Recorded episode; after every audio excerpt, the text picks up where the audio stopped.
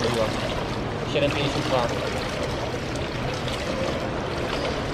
7,56. 8. 8 minut.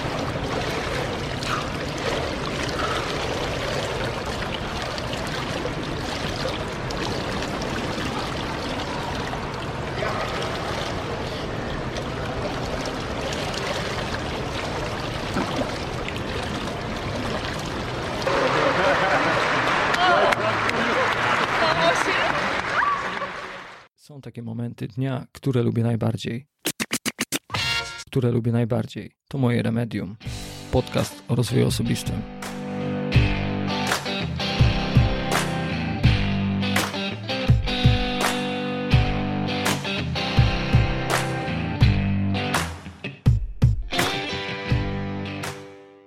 Witam ponownie gości podcastu Remedium.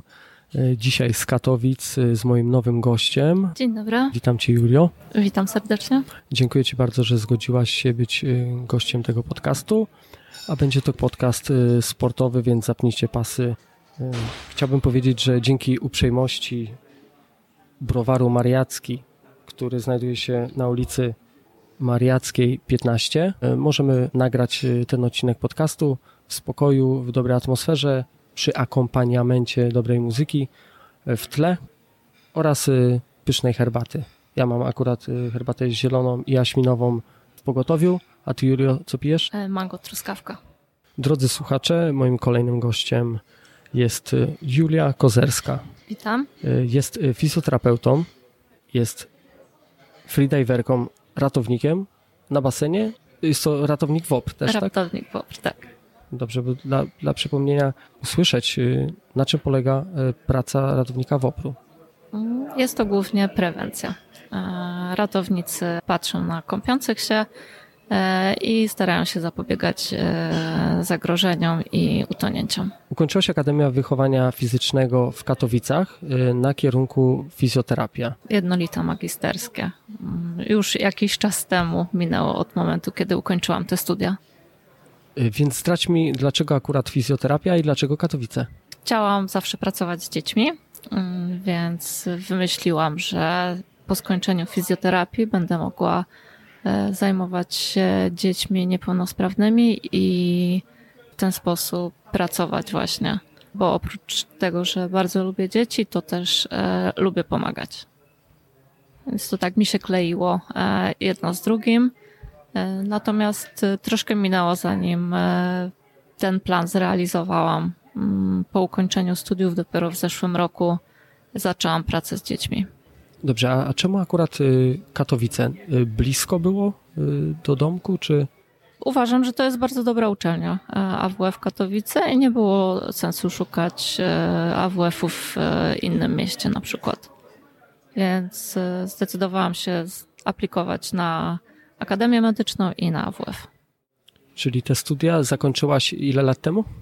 11. 11 lat temu. Mhm. Kawałek czasu.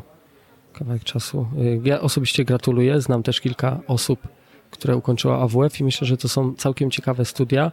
Tak. Jaki był twój ulubiony przedmiot? Co takiego wyniosłaś ze sobą y, z tych studiów poza, poza dyplomem? E, Bardzo lubiłam pediatrię, sport osób niepełnosprawnych i wszystkie zajęcia e, ruchowe, e, gry sportowe, pływanie, gimnastyka była dla mnie również bardzo fajna. Mm, Bardzo różnorodne e, zajęcia wtedy mieliśmy i, i choć nie wszystkie były ciekawe, nie, nie wszystkie mi się podobały, to e, każdy mógł znaleźć e, jakiś przedmiot, który e, mu się podobał. Anatomia, mimo iż e, ciężka, e, to również była mm, ciekawa. Chciałbym powiedzieć, że w tym podcaście na samym początku ym, bardzo powolutku, jak parowóz, ym, z naszym klimatem ruszamy, dlatego że y, Julia jest dzisiaj już po pracy i po treningu, tak? Tak, zgadza się. E, Rano do pracy, a zaraz po pracy trening. Jaka to była praca? E, Dzisiaj e, na basenie ratownik WOPR. Ktoś był uratowany? Nie, nie, Na nie szczęście. było potrzeby. I tego, tego życzę. Y, A jak trening? Co dzisiaj na treningu było? Statyka, statyczne wstrzymanie oddechu. Zawodnik leży i nie oddycha, liczy się czas, e, na, na jaki wstrzyma oddech. Dzisiaj tak delikatnie na treningu. Delikatnie. Mhm. Jestem ciekaw, jak to wygląda de- delikatnie w Twoim wykonaniu, ale za chwilę się tego dowiemy, ponieważ e, w tym podcaście chcę rozwinąć e, szerzej temat freedivingu, więc e, zacznę od sukcesów, rekordów. Jeśli możesz wymienić chociaż kilka z nich, e, a na pewno te ostatnie, jakie to będą. Mm, Ostatnie to Mistrzostwa Świata e, w dynamice bez płetw, rekordy świata w tej samej konkurencji, wicemistrzostwo świata w statyce, wicemistrzostwo świata w dynamice w płetwie, e, mistrzostwo Europy, mistrzostwa Polski. Cztery, z tego co pamiętam. No to jest sporo tych rekordów. Chciałbym Wam powiedzieć, zakomunikować, że Julia jest bardzo skromną osobą i patrząc na zdjęcia z tymi medalami, patrząc na ten uśmiech, na ten wzrok, y, możecie zobaczyć na YouTubie te filmy, jak zdobywała te tytuły. Y, Dosyć dużo tych materiałów jest. Zaciekawiła mnie bardzo i y, zapragnąłem poznać ten temat y, i go rozwinąć w odcinku, żeby się dowiedzieć, jak taka skromna osoba może wykonywać taki ekstremalny, trudny sport. A gdzie trenujesz? Trenuję na wielu basenach e, w województwie śląskim, między innymi w Świętochłowicach, e, w Siemianowicach Śląskich, w Jaworznie, w Mikołowie. E, Niestety nie mogę trenować w moim rodzinnym mieście w Katowicach. A to dlaczego? Co się stało? Po prostu tak został e, skonstruowany regulamin nowo otwartych pływalni, że wchodząc na godziny ogólnodostępne, nie można trenować freedivingu. A czym jest y, ta godzina ogólnodostępna? Jak to wygląda? To jest godzina po prostu, kiedy e, basen nie ma rezerwacji i każdy, e, kto ma chęć popływać, e, może zakupić bilet i, i wejść, skorzystać z basenu.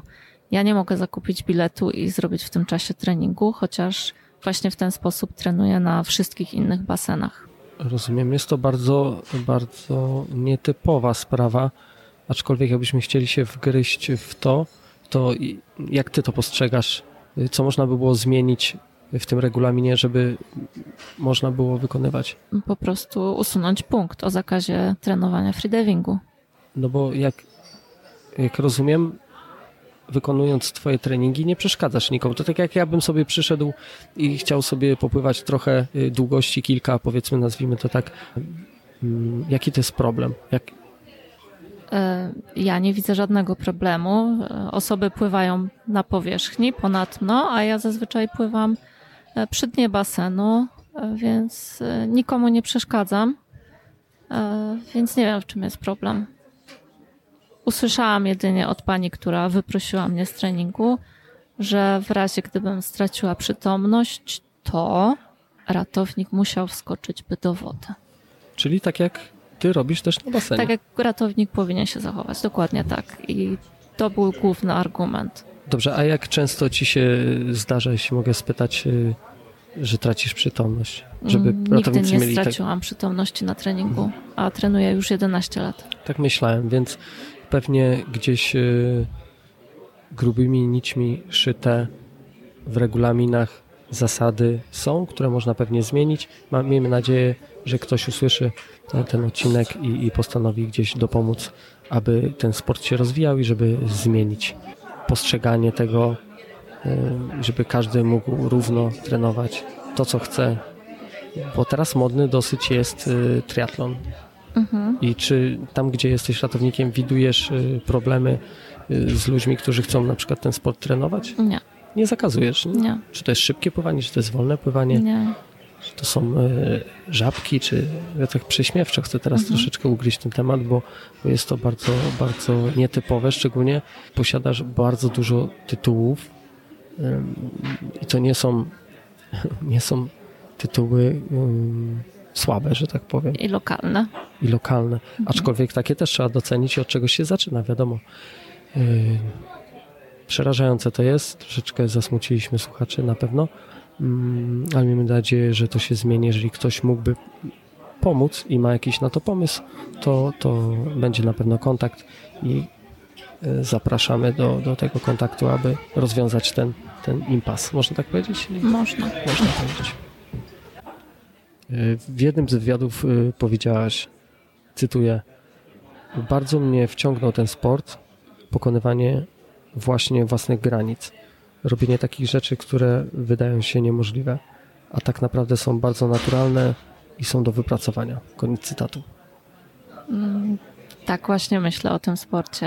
E, patrząc na to, co robię ja lub e, inni topowi zawodnicy na świecie, jest to mm, czasem niewyobrażalne, jak schodzą w głąb na przykład na 100 metrów lub wstrzymują oddech na 9 e, minut. A z drugiej strony wiem, że są takie mechanizmy w naszym organizmie, które właśnie nam pozwalają robić takie rzeczy. E, I to jest właśnie taki paradoks, e, że wydaje się to niemożliwe, a z drugiej strony e, nasze ciało jest do tego przystosowane. Mamy tego typu naturalne mechanizmy, odruch nurkowy, które pozwalają nam osiągać takie rzeczy. Jak w Twoim pojęciu ten sport jest niebezpieczny i trudny? No bo nie każdy może to wykonywać na pewno. Bo tak mówimy, że każdy może pływać, każdy może biegać, każdy może skakać ze spadochronem, jeździć na nartach. Każdy może uprawiać freediving. E, może nie każdy będzie w stanie dojść do e, topowego poziomu, bo bardzo ważna jest tutaj determinacja, ale jeżeli komuś nie zależy na przykład na biciu rekordów świata, na zdobywaniu medali z Mistrzostw Świata, E, i chce robić po prostu mniejsze wyniki, takie, które będą satysfakcjonowały jego, to jak najbardziej e, może uprawiać ten sport i pokonywać własne granice, własne bariery, nie ścigać się z innymi zawodnikami. To nie jest powiedziane, że to od razu musi być taka duża konkurencja. Czy jest niebezpieczny? Na pewno jest niebezpieczny, jeżeli uprawiamy ten sport samotnie. Zawsze musimy mieć kogoś, e, z kim będziemy wstrzymywać ten oddech. Samemu nigdy nie wolno tego robić, bo wtedy może skończyć się tragicznie. Ale jeżeli przestrzegamy tych zasad bezpieczeństwa, trenujemy z kimś, e, wsłuchujemy się w sygnały z własnego ciała, to uważam, że jest to mm, całkiem bezpieczny sport. Tak jak w wielu rzeczach trzeba po prostu przestrzegać e, pewnych zasad i wtedy nie wydarzy się nic złego. A jak wspominasz y, swój ostatni rekord, swoje osiągnięcie, ale w kontekście tego niebezpieczeństwa, czy miałaś jakieś obawy, miałaś wątpliwości? Nie, absolutnie. E, ja wiedziałam, że moje ciało jest dobrze wytrenowane, że jestem gotowa na, na ten dystans, na, na ten czas wstrzymania oddechu. Wypracowywałam to przez wiele miesięcy i e, sam start w zawodach, same te starty, e, gdzie byłam rekordy, były dużo łatwiejsze i przyjemniejsze niż e, przyjemniejsze pod takim kątem, że nie było bardzo ciężko niż same przygotowania do tych zawodów. I mając takie zaplecze, tak, tak wytrenowany organizm, nie ma obaw, że coś się stanie złego E, że stanie mi się krzywda e, lub źle się skończy takie nurkowanie. Skoro freediving to swobodne nurkowanie, kiedy uzyskuje się tą swobodę pływania? Według Ciebie. To jest takie mm, troszeczkę proste, powiedzmy, pytanie, ale jest tu ukryty sens, gdzie y, chodzi o taką naturalność, y, szczególnie jeszcze, że jesteś kobietą, aczkolwiek kobiety są subtelne i o, o to mi w tym wszystkim chodzi. Ta swoboda, kiedy tak poczułaś, że wykonujesz to na tyle, może niełatwo, bo to było złe słowo, ale chodzi mi o tą taką swobodę, kiedy jesteś pewna siebie, podchodzisz do, do nawet do treningu, niekoniecznie to musi być yy, w tym pytaniu zawarte yy, jakiś rekord. To takie typowe zjawisko, kiedy przychodzisz na ten, na ten trening i wykonujesz to luźno, swobodnie, naturalnie. Był to dość długi proces, tak jak się teraz nad tym zastanawiam. E, powiedzmy, że pierwszy rok moich treningów e, był bardzo siłowy. Bardzo tego nie lubiłam robić. Trenowałam e, nie dlatego, żeby startować w zawodach i uprawiać ten sport, tylko żeby zrobić 50 metrów a później jeszcze tylko 75, ale wciąż nie sprawiało, sprawiał mi radość wynik ostateczny, ale same treningi były dla mnie ciężkie i nieprzyjemne. E, nie umiem teraz złapać tego momentu, kiedy faktycznie przychodziłam na treningi i, i czułam, e, że nie jest to już męka, bo no, muszę powiedzieć wprost, że na początku pływanie pod wodą było dla mnie męką. Może po pierwszych zawodach e, gdzieś tam mm, trochę tej swobody przyszło, ale na pewno e, jeszcze to był długi proces. A taką pewność siebie zdobyłam w 2017 roku, kiedy e, zaczęłam trenować z profesjonalnym trenerem, z Goranem Czolakiem wtedy on wyniósł moje treningi na dużo wyższy poziom, już taki profesjonalny. Zmienił e, całkowicie wszystko w, w tym, co do tej pory robiłam. Na początku było bardzo ciężko, ale później e, doceniłam to, że warto było się przełamać, e, pomęczyć i myślę, że właśnie wtedy, jak zaczęłam tą współpracę z trenerem, poczułam, że jest tam dużo swobody w tych moich treningach, w tych moich startach, że nie muszę się tak e, mocno spinać, że nie muszę się aż tak stresować. Pójdzie to pójdzie, a nie to nie. Do tego czasu byłam, e, wydaje mi się, bardzo mocno e, zestresowana każdym startem. Teraz już, już tak nie mam na szczęście. Tak, tak. Ale początki właśnie były mocno siłowe. Jak tak patrzę, E, na starty, na, na to, jak e, przychodziłam na treningi. Teraz jest e, zupełnie inny poziom tego. Dobrze, to nasuwa mi się takie kolejne pytanie. Mm, czym jest mental w tym sporcie i jak pomaga Tobie w życiu codziennym? U nas to jest jakieś 90% przygotowanie mentalne. Oczywiście możemy być super przygotowani mentalnie, ale za to musi iść też przygotowanie fizyczne. Natomiast nie zrobimy tego przygotowania fizycznego, jeśli właśnie w głowie nie będziemy mentalnie na to przygotowani. E, były takie czasy, kiedy nie robiłam e, treningów siłowych e, i już po prostu pod tą wodą nie miałam jak płynąć. Nie miałam techniki, nie miałam siły, ale płynęłam, bo właśnie byłam bardzo silna mentalnie. E, często się wynurzałam i później były komentarze doświadczonych e, kolegów czy, czy sędziów, że to jest po prostu niemożliwe, że ja przepłynęłam, pomimo iż prawie stałam w miejscu, nie miałam e, techniki, że to wyglądało fatalnie, a ja dalej płynęłam. E, I właśnie wtedy też e, ta moja głowa była bardzo silna, ale brakowało mi tego przygotowania fizycznego, takiego profesjonalnego. Więc uważam, że u nas mentalność e, i podejście do tego sportu takie psychiczne to jest więcej niż połowa sukcesu.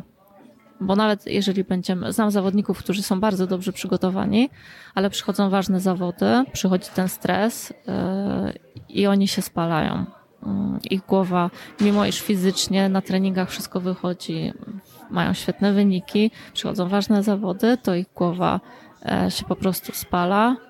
E, stres zabiera im tlen, e, nurkowanie nie idzie i nie osiągają tego, na co ich stać. Właśnie ze względu na jakieś bariery psychiczne. A jak ty sobie poradziłaś z takimi barierami? Myślę, że porażki mnie przygotowały do tego. Każda jedna porażka, choć była mm, ciężką, trudną lekcją, to jednak nauczyła mnie, że no, trzeba w takim razie pracować dalej. E, też nie wyszło, świat się nie zawalił. E, teraz wiem, że jak nie wyjdzie, no to też świat się nie zawali. E, I z takim nastawieniem jest dużo łatwiej potem startować, nawet czasem zaryzykować coś w bank, pójść na zawodach. No, ale też to zajęło dość, dość sporo czasu, zanim doszłam do, takiej, tak, do takiego podejścia do, do zawodów, do startów. Dobrze. Każdy sportowiec ma jakieś e, marzenia. Jakie są twoje? Moje marzenia. Pobijać dalej swoje rekordy. To by było za łatwe, jakbyś tak odpowiedziała, ale szerzej prosimy. szerzej. Chciałabym e, móc robić w życiu tylko to. E, nie musieć chodzić do pracy do takiej, jakiej teraz chodzę, tylko pracować właśnie e, z freedivingiem. Dobra, to złapię cię za język, ale najpierw y, może chciałbym y, cię, Julio, zapytać, y, z jakimi markami współpracujesz? Czy masz jakichś sponsorów? Nie posiadam e, indywidualnego sponsora, natomiast mamy fajnych sponsorów e, reprezentacji Polski, którzy nas wspierają i pomagają nam uczestniczyć w Mistrzostwach Świata. Jest to Grena, Bandy Cosmetics i Włodarz Stomatologia. Jedynie jestem jeszcze ambasadorem marki Molchanovs. To jest świeża sprawa, bo zaczęliśmy współpracę w tym roku. Jestem z tego bardzo dumna, ponieważ jest to mm, marka założona przez najlepszą freediverkę wszechczasów i jej syna, Aleksieja, który schodzi najgłębiej na świecie. To jest chyba 132 metry aktualnie. I produkują sprzęt najwyższej jakości. Także cieszę się, że dołączyłam do grona ambasadorów Molchanows. Molchanows? Molchanows. Gratuluję. A jaki byś mogła powiedzieć o jakim sprzęcie, który masz właśnie od tej firmy? Który testowałaś albo używasz? Mm -hmm. Jest to monopłetwa, e, bifiny, pianki, no sklipy. Mówi się, że mm, to jest nurkowanie bezsprzętowe. E, oczywiście nam chodzi o akwalung, natomiast samego sprzętu mamy dość sporo, e, żeby móc wystartować na najwyższym poziomie. Można popłynąć w samych kąpielówkach lub w stroju kąpielowym, ale taki sprzęt jak właśnie pianki, mm, dobrego typu, szyte na miarę, dodają jednak trochę metrów, dają komfort też termiczny i płetwy również można kupić z supermarketu, bo z takimi też się spotykałam, ale przypłynie się na nich mniej niż właśnie na takiej profesjonalnej monopłetwie z kaloszem robionym na wymiar na stopę. Ja nawet nie słyszałem o takich rzeczach. Tak jeszcze wracając do tych marzeń, teraz mój tydzień wygląda tak, że 6 dni spędzam w pracy i do tego robię treningi, żeby przygotować się na najwyższym poziomie do, do zawodów. I właśnie fajnie by było, żebym nie musiała wstawać rano do pracy, tylko wstawać rano, robić trening. I później na przykład dzielić się swoją wiedzą, swoim doświadczeniem z innymi, więc jakaś szkoła freedivingu, też najlepiej w ciepłych krajach, nie w Polsce, żeby można było połączyć nurkowanie w morzu lub w oceanie razem z treningami na basenie. Myślę, że to takie nawet do zrealizowania. Nie wiem w jak dalekiej przyszłości, ale jest to do zrobienia. Hmm. Zobaczymy. Więc ciągnąć jeszcze mocniej za język Ciebie, Julio, chciałbym i usłyszeć, dlaczego akurat morze, bo, bo startujesz w dyscyplinach basenowych, więc dlaczego akurat teraz Ci się rozmarzyło morze? Gdyby właśnie była możliwość dania z siebie 100% i w jednych, i w drugich, to na pewno bym skorzystała z tego. Spędzić kilka miesięcy na treningach głębokościowych, to myślę, że wciągnęłoby mnie to tak samo jak konkurencje basenowe, ale nie lubię się rozdrabniać, dlatego nie mając możliwości robienia i jednych konkurencji i drugich, skupiam się w tym momencie na tych basenowych konkurencjach. Na razie korzystam z tego, co mam. Na pewno wykorzystujesz to dobrze, patrząc po sukcesach. No to piękne na pewno marzenia.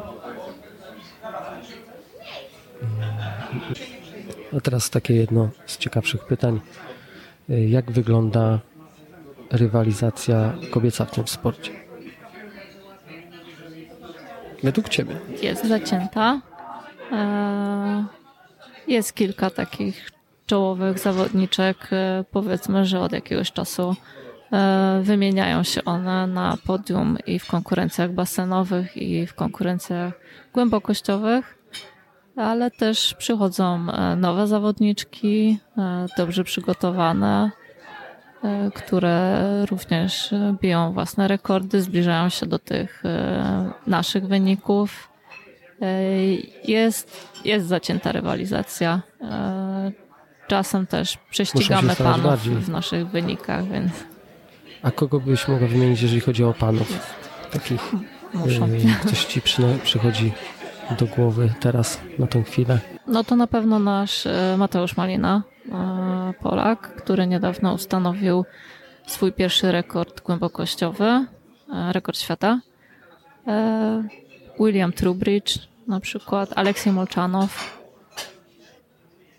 Goran Czolak, chociaż od pewnego czasu nie startuje. Ale to są tacy powiedzmy topowi zawodnicy, a również e, z takich moich ulubionych zawodników. A czy masz takiego swojego ulubionego przyjaciela e, freedivingowego? Dość sporo mam tych ulubionych freedivingowych przyjaciół. Mamy dość dużą grupę zawodników w Polsce i spotykamy się e, na zawodach krajowych e, i międzynarodowych. Rozmowy, tak, z treningów, jakieś relacje. A czasem się kłócicie, macie jakieś zgrzyty lekkie, ale na zasadzie takiej bardziej um, zdrowego rozpatrywania e, różnych problemów w waszym świecie, w tym sporcie. Może nie zgrzyty, ale owszem, często są dyskusje, wymiany doświadczeń, poglądów, każdy, każdemu radzi spróbuj tego, a może czegoś innego, z tego, z tego zrezygnuj, tego nie rób i tak dalej. E, na zawodach się konkuruje ze sobą, wiadomo, mm, ale ta konkurencja też e, ma takie podłoże, że ci zawodnicy razem trenują. E, potem jadą na te same zawody, pomagają sobie w przygotowaniach, więc ta konkurencja nie jest znaczy jest bardzo zdrowa i, i nie jest e, jakąś niezdrową rywalizacją. Czyli czysta, czysta, zdrowa, normalna rywalizacja sportowa, taka tak, jak tak, powinna tak. być. Taka jak powinna być, dokładnie.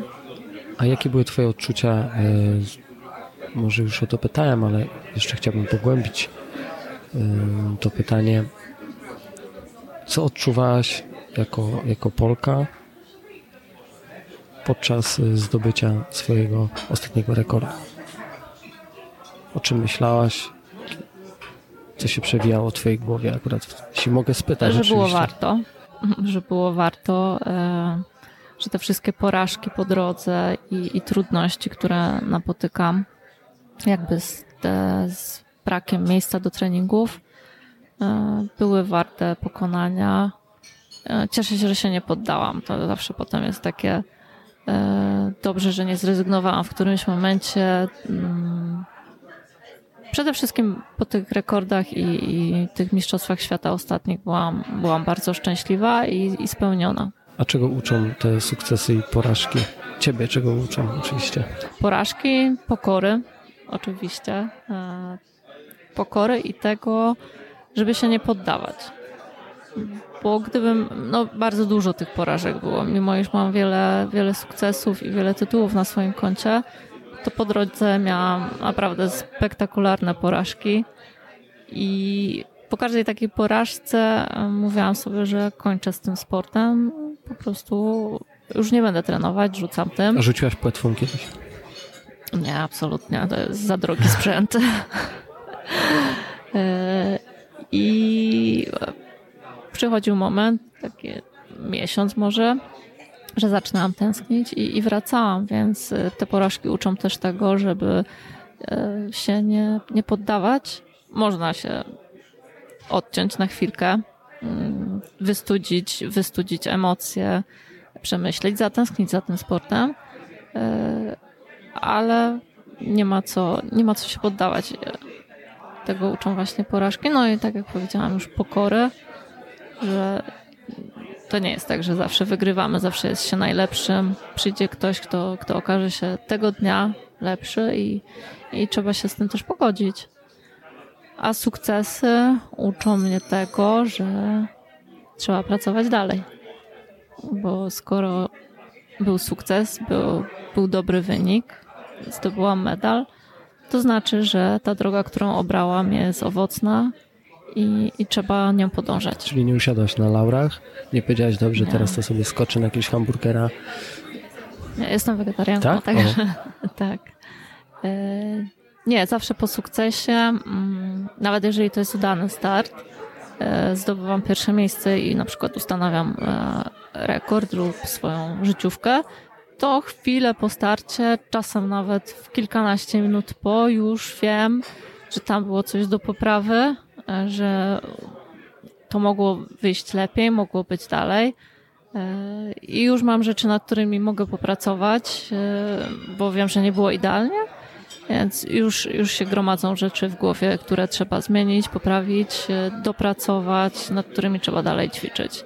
Więc zdecydowanie nie mam tak, że skoro wygrałam, to, to jest na 100% wszystko dobrze zrobione było, tylko właśnie jeszcze szukam rzeczy, które można poprawić i które ulepszą e, te moje nurkowania, moje starty.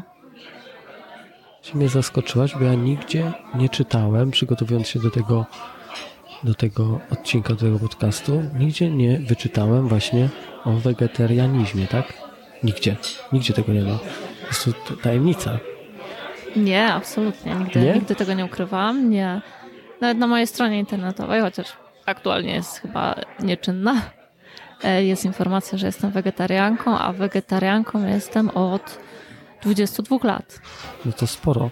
Dobrze, to ulubione jedzenie, jakiś przepis, tak jakbyś miał mi polecić, żebym sobie wspomniał ciebie kiedyś i zjadł sobie śniadanie albo obiad jakiś taki twój topowy, taki, który byś mogła polecić, to jaki? Wszystko uwielbiam, co jest wegetariańskie. E, Ostatnio e, mam fazę na e, kotlety z ciecierzycy z warzywami. Cieciorka też się mówi, nie? Mhm. Polecam. Słucham, no jak chciałbym zrobić, jestem facetem, sobie upichcić, chociaż umiem gotować, dobrze nawet. No to świetnie, bo ja nie Żona potrafię. jest zadowolona ze mnie. To Też dobrze. znajomi czasami, jak coś zrobię, to y, nie przesoliłem, nie przechorowałem, y, nikt nie zachorował. No to same sukcesy. Ja, ja fatalnie gotuję. Ja. No, Naprawdę. Nie, nie, tak nie. fatalnie Ja, ja, gotujesz, że, że jesteś y, mistrzynią świata. ale nie w gotowaniu. Ale y, głównie chodzi mi o to, że dostarczasz niezbędnych mikroelementów, składników na tyle i robisz to dobrze, że no bo rozumiem, że sama się żywisz. Że sama komponujesz dietę swoją, Nie, moja mama mi komponuje dietę. tak? O, Tak. czyli pozdrawiamy mamę.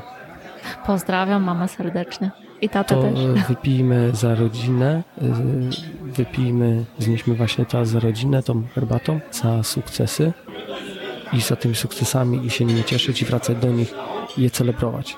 Zgadzasz się ze mną? Zgadzam się. To na zdrowie.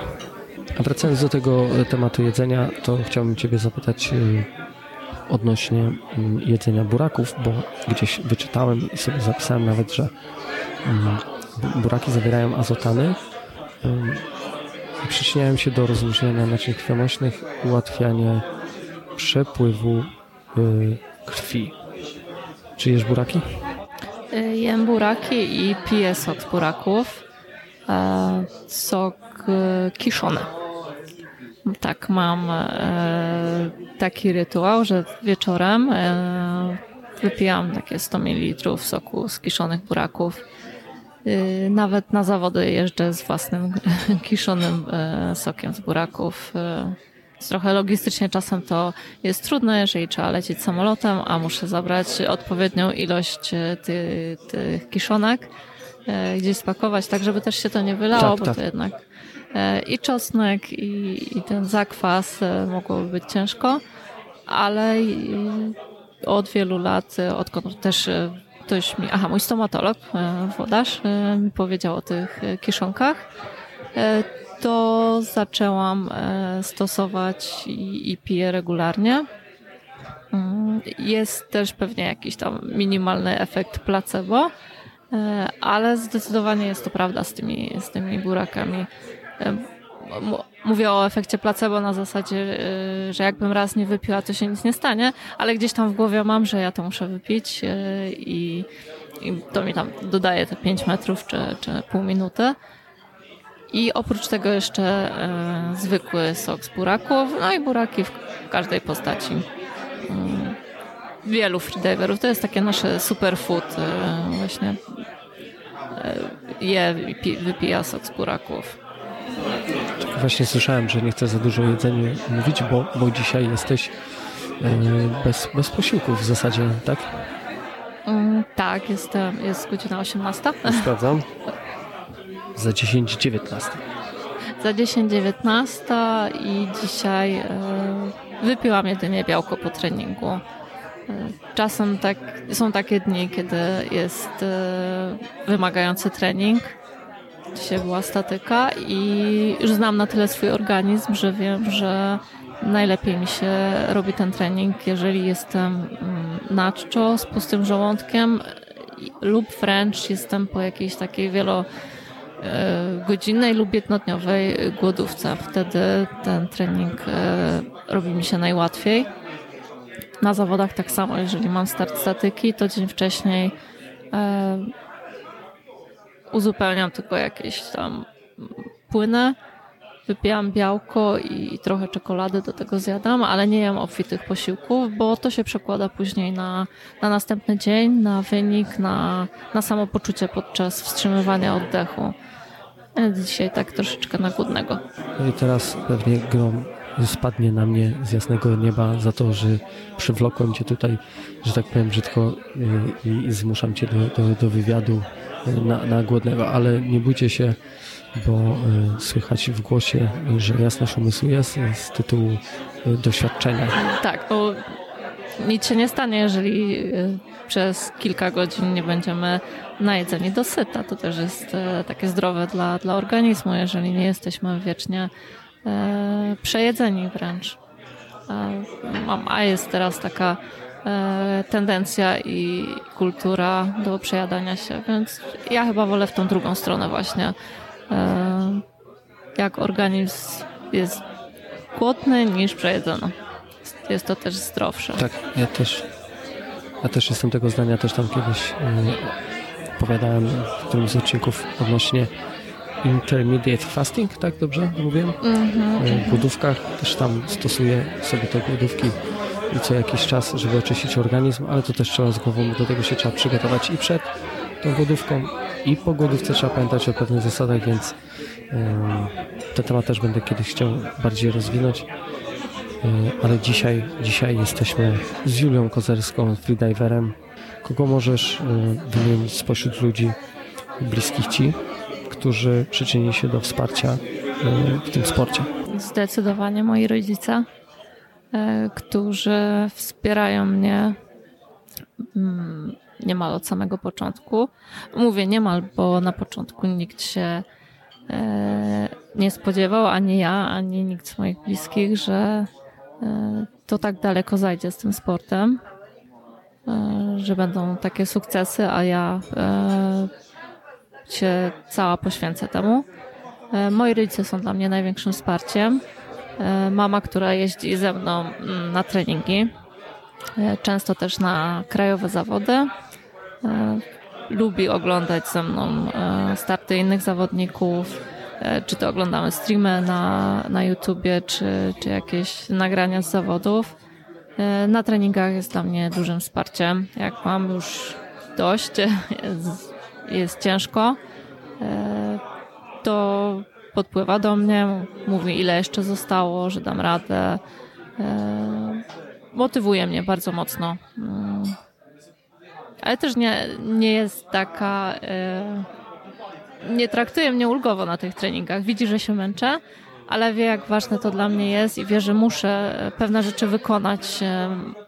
Wie, co robimy danego dnia na treningu.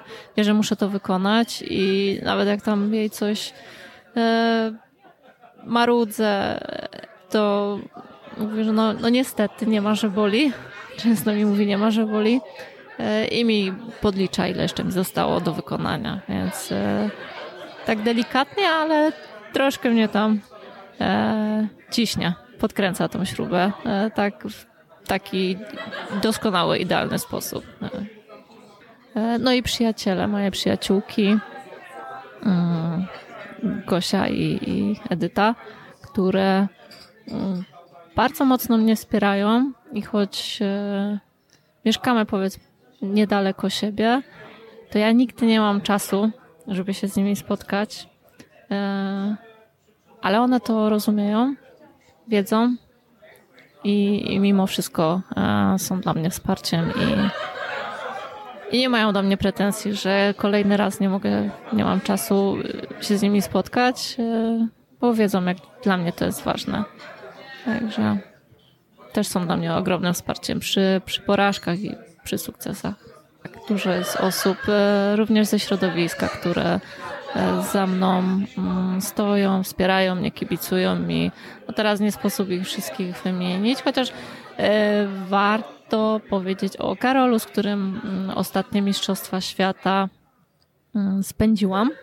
Powiedzmy, zrobiliśmy sobie taki team, wspólnie się wspieraliśmy, coachowaliśmy, bo przy startach też ważne jest, żeby mieć swojego coacha, to jest osoba, która podaje sprzęt, na przykład przed startem, odlicza ile zostało do startu, nagrywa, e, przeprowadza przez procedurę powierzchniową, dba o takie e, drobne rzeczy, które są potrzebne przed startem, e, żeby nikąd nie wiało, żeby była woda pod ręką, mm, tak żeby zawodnik nie musiał sobie tym głowy zawracać. I najczęściej taki coach e, to jest właśnie inny zawodnik, z którym się konkuruje na tych samych zawodach na przykład. E, ale między startami e, wspieramy się wszyscy nawzajem. Czyli tutaj nie ma jakiejś złej krwi w kontekście teraz bardzo modnego tematu atakowania mężczyzn, bym tak nawet powiedział. Ale, ale widzę po tym, co mówisz, po tym, co słychać, jesteście po prostu jedną wielką paczką, dobrą rodziną, która, która działa i tak jak już mówiliśmy, prowadzi zdrową rywalizację i nawet sobie pomaga wzajemnie, bez względu na to, kto to jest. Czy to kobieta, czy to mężczyzna. Tak, w większości tak. E, jest to też specyfika tego sportu, ponieważ e, jego nie można uprawiać samemu. Idąc na basen, ktoś musi z nami być. Ja akurat trenuję w większości z mamą też w okolicy nie mam e, za wielu freediverów, z którymi mogłabym dograć swój termin mm, na moje treningi, bo ja mam dwie prace, w dodatku jedna praca jest zmianowa, więc ciężko mi tak polegać na innych osobach, które też mają swoje życie, swoją pracę i ten czas, kiedy są dostępne, jest inny. Ale wielu freediverów po prostu e, razem na tych treningach sobie pomaga, razem trenują. E, I właśnie też z tego potem to wynika, że jadą na zawody, no to mimo iż konkurują, to nie będą nagle przecież e, wrogami, bo się przyjaźnią poza, poza właśnie e, startami. To też wynika z tego, że każdy musi sam trenować. Nie ma kadry, nie ma klubów, Gdzieś może są pojedyncze, pojedyncze osoby, pojedynczy czy instruktorzy, ale to nie jest tak jak na przykład, że można się wszędzie zapisać na, mm, na pływanie, czy do klubu, gdzie uprawia się sztuki walki. Tu tak nie ma. Tutaj trzeba znaleźć kogoś, kto ten sport uprawia i wejść w to środowisko. Dlatego też potem jest e, na tych zawodach jest jak czasem na zjeździe rodzinnym. I o to chyba chodziło, nie? Też poszukiwałaś na pewno y, takiego wsparcia w osobie, y, z którą trenujesz, a nie tylko podejścia do tego y, zadaniowo, że trzeba zrobić. No bo też jakieś relacje muszą tutaj być, żeby, żeby to szło do przodu, żeby się rozwijało. Tak, ale też jak trenowałam z Goranem Czolakiem, miałam tak mocno zadaniowo. Podobało mi się to. Mm, nie lubię takiej pracy na pół gwizdka. Wolę, mm, wolę wyjść na, na czworakach z treningu, bo być zmęczoną i, i pocisnąć, e, niż e, zrobić coś e, i wyjść jeszcze z jakimś zapasem energii. E, lubię siebie tak e, docisnąć na treningach. To, to, chyba jest po prostu w mojej naturze, bo nie każdy lubi też, e, jak tak rozmawiam z innymi zawodnikami, to e, nie potrafią siebie zmusić do czegoś, e, tak mocno mm, dokręcić śruby. Ja lubię, ale to właśnie tak jak mówię, to leży e, już w charakterze. To, to są dla mnie trudne treningi. Jak ja tego słucham, mam nadzieję, że wszyscy, którzy będą tego słuchali, będą mieli jakiś obraz tego, jakie trudne to jest, bo na zdjęciach chciałem powiedzieć, że wyglądasz na uśmiechniętą, pogodną osobę, y, Polka, sportsmenka. Fantastycznie się na to patrzy, ale już na basenie na pewno widać o wiele więcej. Takie elementy jak skupienie, y, jak podejście czysto sportowe i konkretne i po tych filmach, które oglądałem, bo na YouTubie można te filmy mhm. zobaczyć z tymi wszystkimi osiągnięciami, przynajmniej z większością osiągnięć, które, które należą do ciebie. I tam troszkę inaczej wyglądasz, troszkę inaczej się prezentujesz, więcej powagi, więcej i tak powinno być, tak mi się wydaje. No, filmiki, które są, to są zazwyczaj z, ze startów jednak. Tam jest tak, tylko tak, kilka z treningów. Mhm. E, to tak, każdy z nas wpada w taką swoją strefę, taki swój świat przed startem. I od, ja już się potrafię odciąć od tego, co dzieje się dookoła, jeżeli jestem na zawodach. Jestem w swoim świecie, koncentruję się na tym, co zaraz będę robić. Jest, jest pełne skupienie. No, żeby też to, co wypracowałam, E, te miesiące treningów nie poszły na marne, żeby nie popełnić jakiegoś e, drobnego błędu, który może skutkować dyskwalifikacją. Czy jak jesteś w basenie, tak e, wprowadźmy w sytuację, jesteś już w piance, jak jesteś ubrana i co robisz na takim treningu? Mm, no, najpierw trzeba się ubrać, czasem to zajmuje właśnie wejście w tą piankę. Poza... Rozgrzewka? Nie. Nie, nie, nie robię rozgrzewek mało kto robi rozgrzewki. Teraz nie kojarzę. E, początkujący freediverzy czasem robią ten błąd, że robią jakieś e, rozgrzewki, dziwne rzeczy, ale generalnie nie robi się rozgrzewek. E, wchodzę w piankę, siadam sobie na chwilkę na brzegu, zakładam resztę sprzętu, na przykład monopłetwę, komputer nurkowy, nosklip, okularki, czepek E, składam swojego neka, czyli to obciążenie, które mam na szyi. E, wchodzę do wody i po chwilce, chwilce jak e, przyzwyczajam się już do temperatury wody, zaczynam trening. Więc w zależności od tego, co mam zaplanowane. Jeżeli jest na pierwszy start zaplanowany submax, czyli takie dłuższe narkowanie, 80% z maksa na daną chwilę, nie z życiówki konkretnie, tylko na, na to, e, na jakim poziomie e, treningów teraz jestem. E, to takie 80% z tego, co jestem w stanie zrobić. To przygotowanie jest troszeczkę dłuższe, troszkę dłużej w tej wodzie siedzę i się koncentruję. A później już po prostu robię dystanse w interwałach. Dystans, określona przerwa i kolejny dystans, tak powiedzmy 10 razy na przykład. 10 razy 75 metrów. Wszystko pod wodą na wstrzymanym oddechu. A czym jest y, airpacking? Jest to taka technika y, nabierania powietrza. Najpierw bierzemy pełny wdech i później za pomocą y, języka dopakowujemy takie małe porcje powietrza dodatkowo do płuc. To tak trochę wygląda jak picie przez, przez słomkę. W ten sposób można dopakować na przykład litr powietrza lub więcej. Zależy od e, pojemności, to jest bardzo indywidualne, zależy od freedivera, od jego pojemności płuc, od tego jak bardzo ma je rozciągnięte, e, ile e, jest w stanie zapakować też od tego pierwszego wdechu też dużo zależy, czy on jest taki naprawdę maksymalny, czy, czy tam jeszcze można by było coś więcej wziąć i wtedy dopakowujemy. Dobrze, to dlaczego zdecydowałaś się startować w trzech dyscyplinach y, tego sportu? Co jej rozróżnia? Mm, Startuję w statyce, czyli jest to statyczne wstrzymanie oddechu. Zawodnik leży na powierzchni wody twarzą w dół i w bezruchu pozostaje jak najdłużej. Eee, I liczy się czas w tej konkurencji akurat. Dynamiczne pływanie e, bez płetw, czyli DNF. To jest moja ulubiona konkurencja i zawodnik przypływa pod wodą jak najdłuższy dystans e, zmodyfikowaną żabką. I pływanie dynamiczne w monopłetwie. E, Zawodnik przypływa e, jak najdłuższy dystans przy użyciu takiej dużej płetwy, monopłetwy zakładanej na obie stopy. Wygląda to jak taki syreni ogon.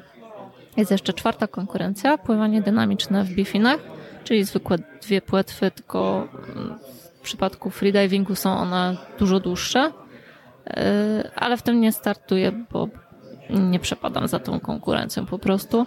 A trzy pozostałe yy, bardzo lubię. Yy, Od początku w nich startowałam, chociaż statyki nigdy nie lubiłam, zaczęłam ją lubić w zeszłym roku, w grudniu dopiero. I dopiero wtedy zaczęłam ją trenować na treningach. Do tego czasu nie, nie trenowałam statyki. E, Startowałam w niej tylko na zawodach, bo trzeba było, mm, na przykład do klasyfikacji generalnej, ale treningi zaczęłam robić dopiero w styczniu tego roku, kiedy e, postanowiłam, że będę startować w tej konkurencji na Mistrzostwach Świata. Skoro będę startować, to wypadałoby się przygotować. No to na pewno. A co rozróżnia te dyscypliny? Bo na pewno przygotowujesz się do, do nich y, w różny sposób y, i też inne treningi są potrzebne, inny sprzęt. Rozróżnia je technika płynięcia przede wszystkim. E, W TNF, tak jak powiedziałam, płyniemy żabką, a w dynamice w płetwie, e, w monopłetwie wykorzystując ruch delfinowy. E, Dystanse w monopłetwie, które osiągamy są dalsze e, i też jest inna e, specyfika pracy mięśni, bo tutaj jednak e, Większość zawodników nie używa rąk do płynięcia, ręce są cały czas przed głową w pozycji torpedowej. W DNF-ie, czyli tej żabce, mm, pracujemy całym ciałem i ręce i nogi pracują. Ale jeżeli chodzi o treningi, no to one wyglądają tak samo. E, I tu, i tu przychodzę na trening i robię e, dystanse w interwałach. Te, one, te konkurencje różnią się po prostu e, techniką płynięcia i tym, że przy jednej konkurencji używamy monopłetwy. Tutaj do głowy ym, skoczyła mi taka myśl bardzo szybko.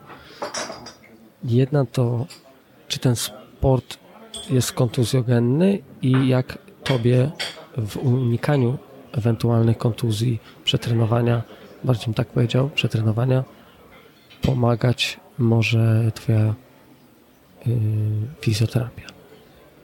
Sport nie jest kontuzjogenny. E, Kiedyś uprawiałam amatorsko siatkówkę.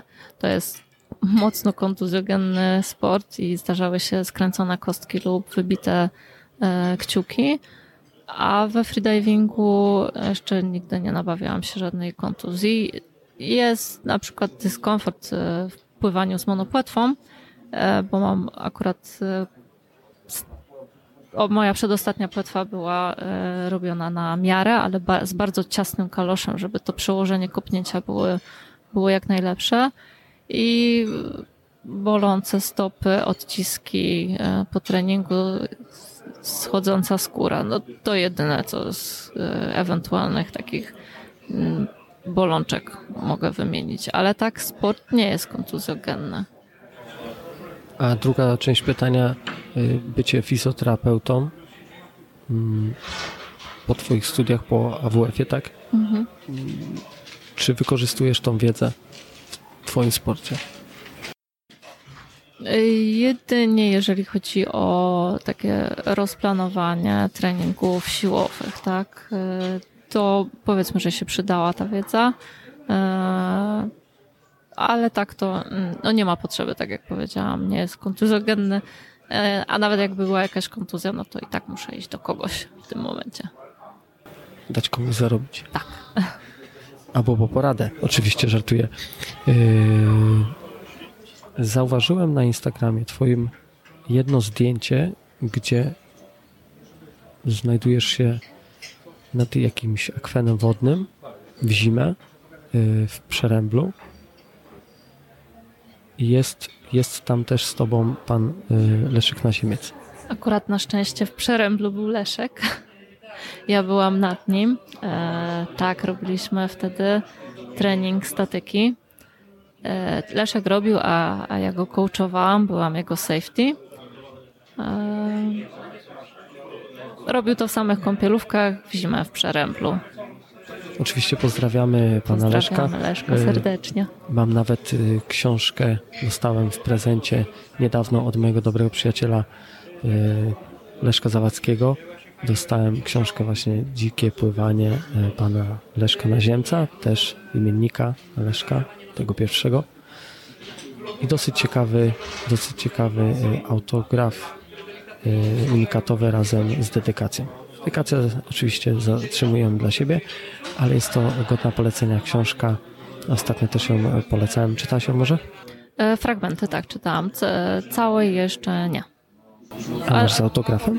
Mm, Mam z autografem, ale akurat e, wręczyłam ją mojej mamie na urodziny, więc e, dedykacja i autograf jest dla mamy. Super. A jak się poznaliście z panem Leszkiem? Leszek był moim wykładowcą na studiach. Miałam z nim zajęcia z psychiatrii. Tak, e, później, znaczy ja go pamiętam e, z tych zajęć, e, Leszek mnie nie. Później spotkaliśmy się ponownie po kilku latach na basenie w Siemianowicach Śląskich. Leszek wtedy się przygotowywał do przepłynięcia kanału La Manche, a ja robiłam treningi na, e, na tym basenie i, i wtedy się e, poznaliśmy już tak na ty. Czyli utrzymujecie kontakty Tak. cały czas? Mhm, tak, utrzymujemy. Też był czas, że e, wspólnie trenowaliśmy e, freediving. Leszek też robił treningi z freedivingu. E, tylko, że Leszek ma tyle planów i, i projektów i zajęć, że e, nie zagłębił się tak e, w tym freedivingu, żeby na przykład wystartować w zawody. E, On jednak dzikie pływanie, lodowe pływanie, to, to są jego klimaty zdecydowanie. Chociaż mam nadzieję, że, że jeszcze przyjdzie taki moment, że razem wystartujemy w zawodach. Tego życzę z całego serca. A nawiązując także tutaj do zdjęć, chciałbym y, Ciebie zapytać, y, skąd pomysł na artystyczne zdjęcia pod wodą, kto je wykonuje i gdzie można je znaleźć? Bo takowe posiadasz, można znaleźć je na, na, na pewno na social mediach. I, I skąd pomysł właśnie na piękne, artystyczne zdjęcia, y, między innymi pod wodą? E, z- Większość tych artystycznych zdjęć wykonywała mi Irena Stangierska, e, znakomita fotografka. Już nie pamiętam dokładnie jak to było. Szukała chyba modelki do sesji podwodnej. E, Jakoś ktoś jej dał do mnie kontakt. E, W ten sposób e, się poznałyśmy i miałyśmy już kilka sesji właśnie e, podwodnych, ale nie takich sportowych, e, raczej właśnie w sukniach, w jakiejś, e, ostatnio wrzuciłam z suknią ślubną zdjęcia. E, Irena się specjalizuje właśnie w takich artystycznych e, sesjach podwodnych. A czemu ślubną? Taką miała wizję, A, a fotografka. Dobrze. Y, A jakieś swoje ulubione z tych zdjęć? Oj, mam ciężko powiedzieć. E, Może to w czerwonej sukni jest takie. Ale e, na Instagramie mam dosłownie kilka fotografii, e, a z tych sesji z Ireną jest zdjęć dość, sporo. Tylko nie, nie wrzuciłam wszystkich. E, Mam je dla siebie. Tak, po troszku można wrzucać sobie. Dokładnie. A y, jak ty siebie odbierasz w tej roli y, akurat modelki? Y, Jak, jak ty siebie widzisz patrząc na takie zdjęcia? Jak, jak, nie chodzi mi o ocenę, tylko jakby odczucia co do tego, jak się prezentujesz. Mm, podoba mi się fakt, że są one zrobione pod wodą i e, woda jednak mm, wprowadza swoje zasady na tych zdjęciach, bo i e, zburzy włosy i materiałem porusza. E, nie można zdjęć zaplanować tak, jak można zaplanować i wszystko ułożyć na, na powierzchni. E, że nic nie będzie odstawać, e, wszystko będzie tak, jak e, sobie wymyślimy. Tutaj zanurzam się pod wodę i nagle cała suknia zaczyna żyć swoim życiem. Trzeba to jakoś okiełznać. Jak już się to uda i Irena cyknie fotę, mm, jest ten zadowalający efekt, to potem fajnie się patrzy na te zdjęcia z taką satysfakcją. Dobrze, a teraz skoro już tak zapytałem, bo idziemy y, w artystyczne klimaty, to y, ja jestem wagą, a ty jaki masz znak zodiaku? Skorpion. Skorpion. Moja mama właśnie była skorpionem. Jestem y, typowym zodiakalnym skorpionem. Typowym, a ja nie wiem jaki jest typowy. Ty mi powiedz. Jaki jest typowy? Jaki jest typowy pływający skorpion? Podobno złośliwy. Kto mnie dobrze zna, może... Nie odczułem na razie. Kto mnie dobrze zna, może potwierdzić. Pamiętliwy, uparty. I to by się potwierdzało w, w tym moim dążeniu właśnie do, do tych wszystkich celów, które sobie zaplanowałam we freedivingu. E, ten upór, głównie upór mnie zaprowadził tam, gdzie jestem. Mogłam odpuścić, ale zawsze było nie chociażby, chociażby udowodnić sobie, że, że to zrobię. Teraz się nie udało, ale zrobię to następnym razem, więc e, ta cecha czasem przeszkadza w życiu, ale akurat w tym sporcie pomogła. Powściągliwość jeszcze? Może być. Może być, nie? Może Pasuje być. też do, do Skorpiona. A co sądzisz o mm, mm, takim powiedzeniu bo czasami ludzie też y, dążą do, do sukcesu, do swoich celów po trupach. Abyś się na przykład odniosła do czegoś takiego? Mm. Znam takie osoby. Mam nadzieję, że ja nigdy nie pójdę tą drogą. Bo też trzeba umieć sobie rano spojrzeć w twarz, patrząc w lustro. No to o to właśnie mi chodziło. Głębokie i szczere. To teraz takie trudniejsze pytanie, jedno z takich, na które czekałem. Jak freediving, jak ta dyscyplina, jak ten sport rozwija się w Polsce i czy w ogóle? I druga część tego pytania, czy warto w ogóle zarażać innych ludzi do tego sportu u nas w kraju?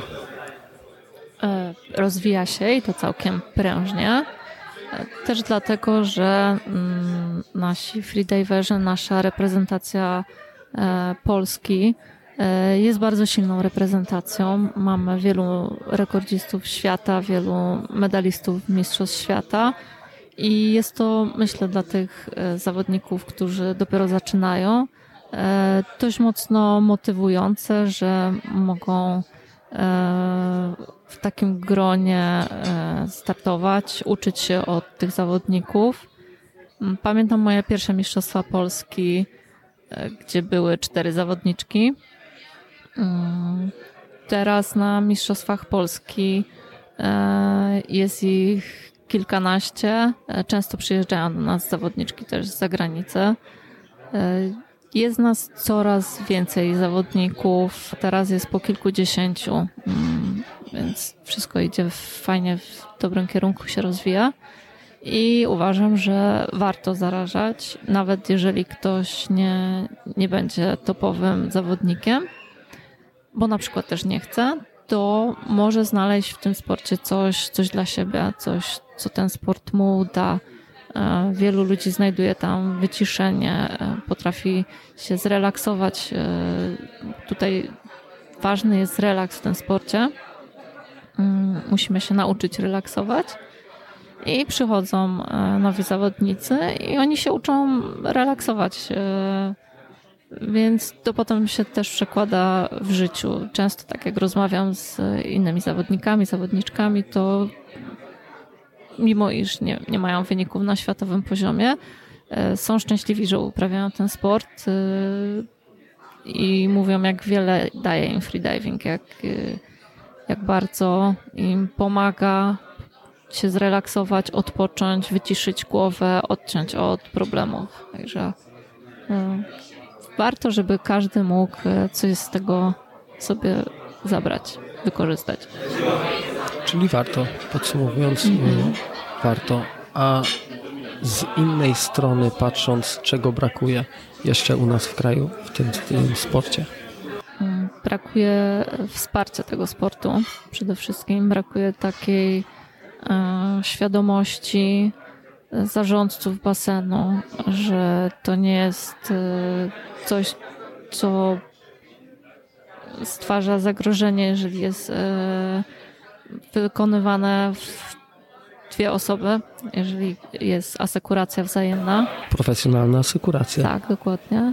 E, takiej świadomości, że no, jak można zabronić pływać pod wodą, to jeżeli dziecko będzie nurkować e, gdzieś na torze obok i się bawić, to, to też zareagujemy, bo ono nurkuje, ono tak samo wstrzymuje oddech jak my.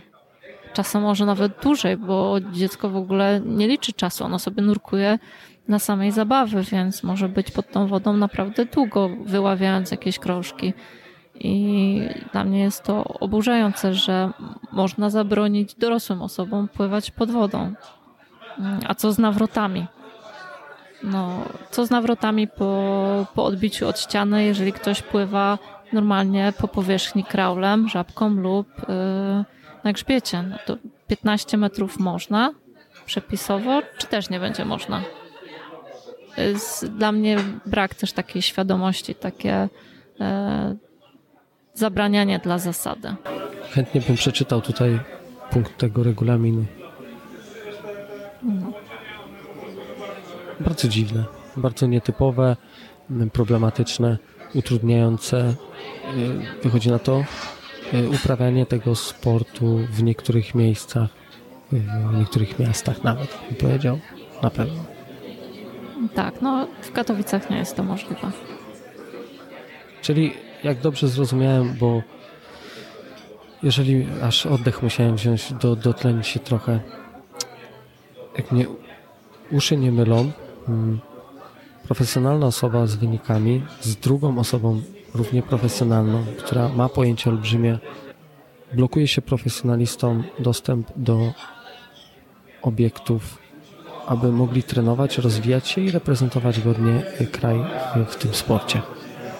Tak, tak, tak to wygląda. E, I ostatnio zaczęłam się też zastanawiać, jak to jest e, od kwestii prawnej, bo od tego roku e, jesteśmy związkiem sportowym. Nie jesteśmy stowarzyszeniem, klubem. Podlegamy pod Ministerstwo Sportu. I zastanawiam się, czy będąc w kadrze Polski, E, można mi zabraniać e, przyjść i zrobić trening, bo, bo ja się zobowiązałam, że ja się będę przygotowywać do kolejnych mistrzostw świata. E, takie pismo poszło do, do ministerstwa i, i co ja powiem, że nie mam gdzie. Teraz można, można zmienić to poprzez zmianę zwykłego punktu, który też całkiem niedawno powstał, a nie jest to nie jest to nic co, co było w regulaminie na stałe i, i głównie dla bezpieczeństwa. Ja rozumiem, rozgraniczyć chcę, to chciałbym to, to pojąć mój mózg, żeby jakoś to zrozumiał i przetrawił. A tutaj, gdzie ktoś przychodzi, kto, kto, kto ma styczność z tym sportem całym sobą, reprezentuje kraj i, i nie może tego robić przez jakiś punkt. My, dlatego to rozciągam to, walcuję tutaj przed Państwem, bo, bo nie umiem tego pojąć, nie chcę tego przyjąć. Ca e, każda moja komórka nie chce tego przyjąć, nie, nie rozumiem tego. Ja też tego nie rozumiem, ale nie jestem w stanie nic zrobić. Jak już jesteśmy na, na akurat tej ciemnej stronie mm, tego sportu, to czy byś mogła mm, zobrazować mm, zjawisko blackoutu w jednym y, ze swoich startów. Ku przestrodze. Mhm. E, Blackout jest to utrata przytomności. E, I jest to właściwie w konkurencjach basenowych jedyne zagrożenie.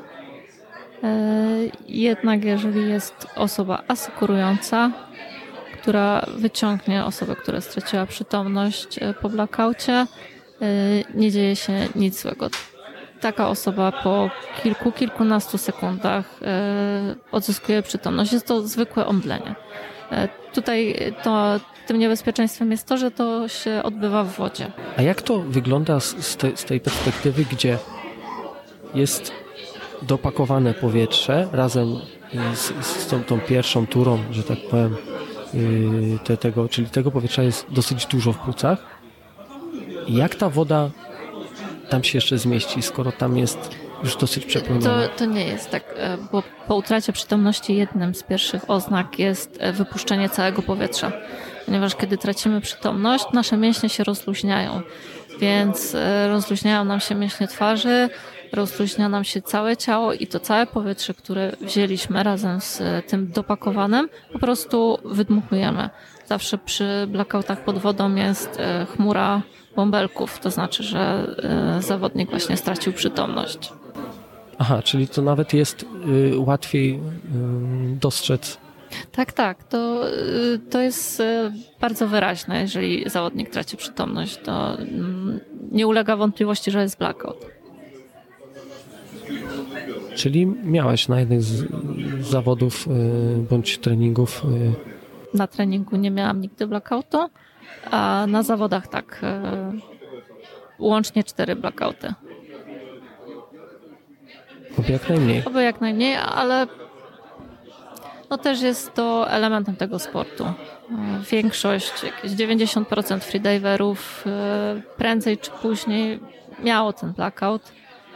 Do tego nie należy dążyć, należy unikać blackoutów y, jak najbardziej, ale nie, nie wolno robić tragedii, jeżeli już się to stanie. Trzeba wyciągnąć y, z tego wnioski, y, zobaczyć na przykład nagranie, co poszło nie tak, w którym momencie to wynurzenie już miało być, e, przeanalizować i swoje przygotowanie i, i całe, e, całe nurkowanie, wyłapać błąd i zrobić wszystko, żeby się to już nie powtórzyło. To jest właśnie to uczenie się na, na porażkach. E, Wyciąganie wniosków. Ciekawy, ciekawy temat. Mnie, mnie osobiście, y, nie wiem czy dobrze użyję tego słowa, że zafascynował, ale na pewno głęboko zainteresował mnie temat tego freedivingu, bo ja gdzieś zawsze postrzegałem go jako ten, tę dyscyplinę, którą na otwartych akwenach się wykonuje. Do, do pewnego momentu, dopóki nie poszukałem głębiej i, i nie zobaczyłem, że, że to się dzieli na o wiele więcej tych dyscyplin dosyć ciekawych. Yy, I warto, warto na pewno się zainteresować, bo yy, może się okazać, że yy, wśród słuchaczy znajduje się kolejny mistrz, a nawet o tym yy, nie wie, bo yy, kiedy zaczęłaś na przygodę z freedivingiem? piątym roku studiów. Czyli nie za późno, ale już to był taki, to, to był taki czas, który no, y, rodzi się pytanie. No to nie jest wiek, kiedy to, zaczyna się y, karierę sportową. To Znaczy, u nas, u nas nie ma limitów wiekowych. E, Pamiętam, w 2013 wszystkie konkurencje wygrała Natalia Molczanowa, która wtedy miała około 50 lat i zostawiła młodsze zawodniczki daleko w tyle. E, Natomiast e, chodzi mi o inne dyscypliny sportu, e, wszelkie gry zespołowe, czy właśnie pływanie. To wszystko zaczynamy uprawiać i trenować profesjonalnie w dużo młodszym wieku, często w wieku dziecięcym. Natomiast ja byłam e, na piątym roku studiów, tak jak już powiedziałam, i dopiero wtedy e, raczkowałam w tym sporcie. Czy uważasz, że ten czas, w którym zaczęłaś, mm, pozwolił ci mm, bardziej dojrzale y, podejść do tego tematu? Nie wiem, czy to miało wpływ, tak szczerze mówiąc. E, chociaż nie sądzę, żeby się udało, gdy byłam młodsza, bo też e, studiowałam. E, no i korzystałam z uroków studiów po prostu. Mm, Więc wtedy mogłabym nie być na tyle zdeterminowana i zafascynowana tym sportem. Myślę, że przyszedł w odpowiednim momencie. Tak, właśnie o to mi chodziło. Mm, Czyli według Ciebie jest to trudny sport? Tak, trudny, bardzo wymagający, ale bardzo piękny. A czemu piękny? Bardzo dużo daje. Jak, Jak, jak dopatrujesz się tego piękna? e, w tym, jak pokonujemy własne granice, jak robimy rzeczy, które inni uważają za niemożliwe. E, A u nas jest to takie naturalne, że wstrzymujemy oddech na te 5, 6, 7 czy 8 minut. Nawet osiem. Tak, moja, moja życiówka, która jest e, rekordem Polski, to jest 8 minut i 1 sekunda. I mózg Ci się nie wyłączył. Nie. Bo, bo są takie, panują przekonania, że tam Tak, jest to bardzo, bardzo mylne. E, Po pierwsze chodzi o to, że e, komórki mózgowe obumierają po 5 minutach od zatrzymania krążenia. Czyli w momencie, kiedy stanie nam serce, jest te 5 minut e, i mózg zaczyna obumierać. Nam nie staje serce, my, nasze serce cały czas bije. Ono cały czas pompuje e, tlen e, do, do mózgu. I, I tutaj nie ma zatrzymania e, krążenia, nie ma zatrzymania akcji serca. Więc jest to bardzo mylne e, mówienie, że, że właśnie mm, nasz mózg umiera. I e, paradoksalnie jest on e, dzięki odruchowi nurkowemu e, lepiej zaopatrzony w ten tlen, bo następuje centralizacja krążenia i krew z mniej ważnych części ciała, takich jak opuszki palców na przykład, płynie właśnie do tych najważniejszych narządów, które są cały czas zaopatrywane w, w tlen. Czyli też takie bardzo podobne zjawisko występuje podczas yy, hipotermii. Tam też dochodzi do centralizacji. Ja wiem, że to jest, jest duża różnica, ale są jakieś yy, cechy wspólne. Też ta centralizacja yy, występuje, że ratuje się organizm, a tutaj tak jakby macie nie dość, że pełną świadomość i kontrolę nad tym, co robicie. Są osoby, dodam, które obserwują, co się z wami dzieje, to jeszcze yy, no jest pełna kontrola nad tym, Jest pełna się dzieje. kontrola i musi być, bo my musimy się samodzielnie wynurzyć, żeby start był e, zaliczony i żebyśmy dostali białą kartkę. E, Więc nie może być tak, że wynurzamy się, tracimy przytomność. E, Musimy się wynurzyć w odpowiednim momencie, być na tyle świadomym, żeby zrobić jeszcze procedurę powierzchniową do sędziego i, i nie stracić w tym czasie przytomności, więc też w, w trakcie tego nurkowania musimy e, oszacować, czy to już ten moment, e, czy jeszcze troszkę. To nie jest tak, że my nie oddychamy, więc nie wiemy, co się z nami dzieje, co się dzieje wokół. E, Jest wręcz przeciwnie, jesteśmy bardzo wyczuleni na to, jakie sygnały wysyła nasz organizm. Czy, czy możemy płynąć dalej, czy możemy dalej wstrzymywać oddech, czy trzeba się wynurzyć. Bardzo, bardzo mocno wsłuchujemy się w, w nasze ciało. A szczególnie jeszcze ta yy, te studia, które ukończyłaś, pomagają na pewno. Na pewno. No bo nie jesteś w bańce, bańce informacyjnej, że pozjadałeś wszystkie rozumy i że, że to, to usłyszałam, tam to przeczytałam, tylko na pewno się jeszcze yy, dokształcasz. Tak, cały czas. Rozwijasz się. Mhm, tak, tak. A jak, Zdecydowanie. a jak, jak się rozwijasz? yy, Skąd czerpiesz informacje, wiedzę? Ostatnio byłam e, w Białymstoku u profesora Marcina Baranowskiego, który jest e, profesorem fizjologii, ale również e, freediverem. Startuje w zawodach w reprezentacji Polski na Mistrzostwach Świata i wykonywał różne testy EKG na wstrzymanym oddechu, spirometrię. Skład masy ciała nam robił i e, tłumaczył wiele e, zachodzących procesów. E, oprócz tego, że czekamy na całą interpretację tych wyników, to również tłumaczył, co się dzieje, jak się dzieje, co pomaga, co szkodzi. Tu jest bardzo dużo informacji, które cały czas ktoś odkrywa, mm, robi jakieś badania.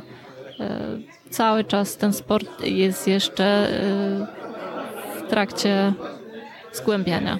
Wszystkie procesy, co, co się dzieją, co może nam pomagać, co może szkodzić. Nie mówię o tych podstawowych, o których wiemy, o Jasne. odruchu nurkowym i tak dalej, ale e, wciąż można mm, wiele czynników i, i zachodzących procesów zbadać. Czyli ja na, już muszę powiedzieć, że to koniec powoli będzie tego odcinka, gdyż musisz odpocząć, bo jutro trzeba wcześniej wstać, tak? O 5 rano.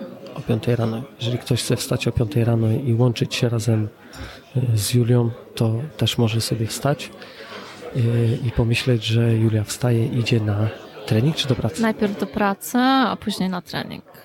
Jeżeli mam zmiany popołudniowe w pracy, to najpierw trening, później do pracy. To teraz y, i idziesz do domku i zjesz na pewno coś. Tak, zjem śniadanie. Śniadanie. Ale te jak z filmu, y, chyba Barry bodajże, że zjesz śniadanie te, które jest na jutro, żeby zdążyć już? Nie, nie, to Czy- co było na dziś, na, na rano, którego nie jem. Masz więcej czasu wtedy. Tak, dokładnie. Że ja bym chciał podziękować serdecznie Tobie za, za tą y, możliwość przeprowadzenia tego wywiadu w moim skromnym podcaście. Z dziedziny pływania można powiedzieć. Można? Nie. Snur- Nurkowanie. E, Nie utożsamiam się z pływakami. Nigdy nie, e, nie trenowałam pływania, nie mam żadnych podstaw pływackich, więc to ciężko by mnie było nazwać pływakiem. Dużo, dużo mi brakuje do pływaka.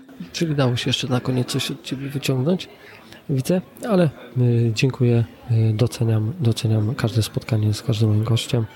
Y, na pewno coś do głowy mi weszło i mam nadzieję, że słuchaczom też pojawią się nowe myśli i, i zaczerpną trochę więcej wiedzy na ten temat, bo jest to, mogę powiedzieć teraz śmiało po tej rozmowie, niedoceniony sport. Tak. Mhm. Pomimo sukcesów, jakie Polska ma na tym, e, na tym polu, je- jest to mocno niedoceniany e, sport w naszym kraju.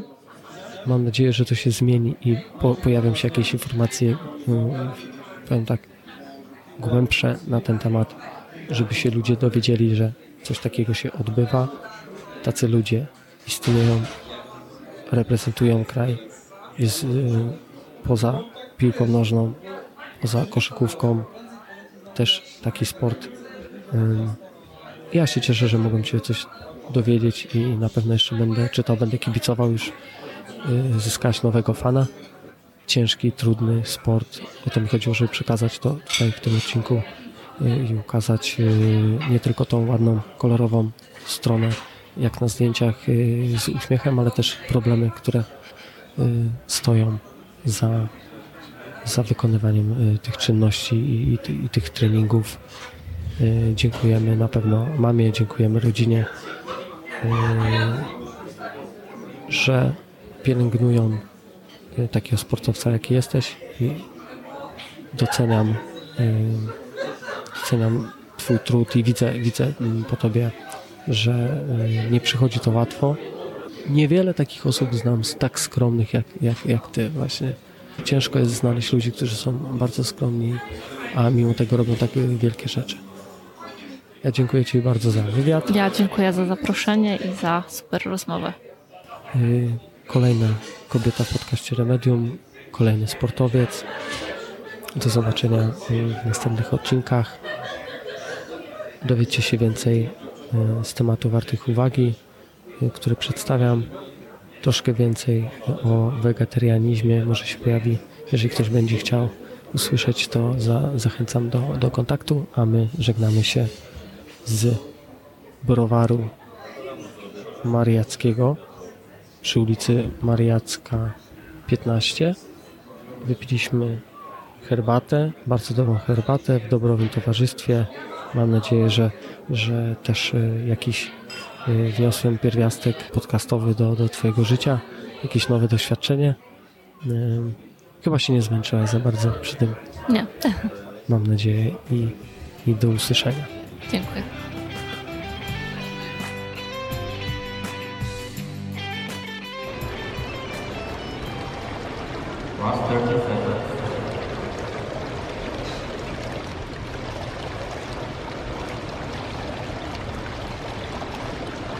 20